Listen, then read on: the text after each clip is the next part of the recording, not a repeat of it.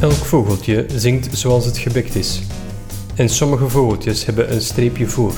Die zingen een heleboel verschillende deuntjes. Zoals de Franse wielrenster Pauline Ferrand-Prévot. Die won afgelopen weekend het WK Gravel en de bijbehorende regenboogtrui. Eerder veroverde ze al regenboogtruien in het wielrennen op de weg, in het veld en mountainbike. Kortom, Ferrand-Prévot is een vogeltje dat een aardig eindje kan zingen. Het WK dat ze zaterdag won, werd voor het eerst georganiseerd. Het gaat om een jonge discipline die volop aan populariteit wint. Voorlopig is het een weinig gereguleerde sport van amateurs, maar dat wil niet zeggen dat het WK een koers voor doetjes was. De amateurs moesten zich eerst weten te kwalificeren via koersen van de UCI Gravel World Series.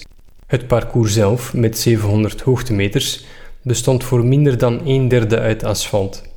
Daarnaast ging een derde over onverharde wegen, een kwart over harde gravel en dan nog wat kasseien en ander hard oppervlak. Het was, met andere woorden, een koers voor vogeltjes die stevig gebekt zijn en die er tegen kunnen om stof te slikken. Een van de sporters die er als de kippen bij was om aan het WK Gravelbike deel te nemen, was Piotr Havik. In een vorig leven was hij professioneel wielrenner. In 2021 lukte het hem niet meer om een profcontract te krijgen. Hij ging toen aan de slag als marketeer en ontdekte gravelen. Hij bleek er goed in en Havik werd gravel-specialist. Zou hij een mooie kans maken op de wereldtitel? Helaas voor Havik werd er onder zijn duiven geschoten.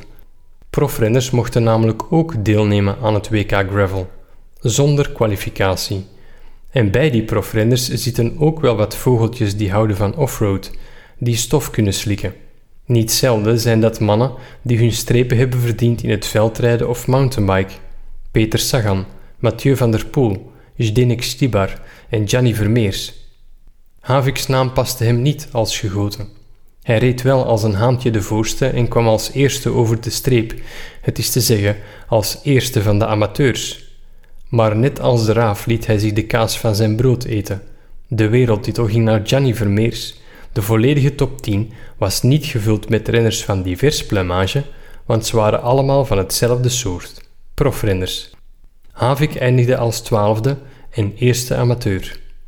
Elk vogeltje zingt zoals het gebekt is. Piotr Havik zal voor altijd kunnen zingen dat hij het allereerste WK heeft gewonnen van alle andere gravel-specialisten. Hij had de regenboogtrui kunnen hebben als de regels anders waren. Hij had kunnen winnen als, maar ja, als ons kat een koe was, konden we ze melken aan de stoof.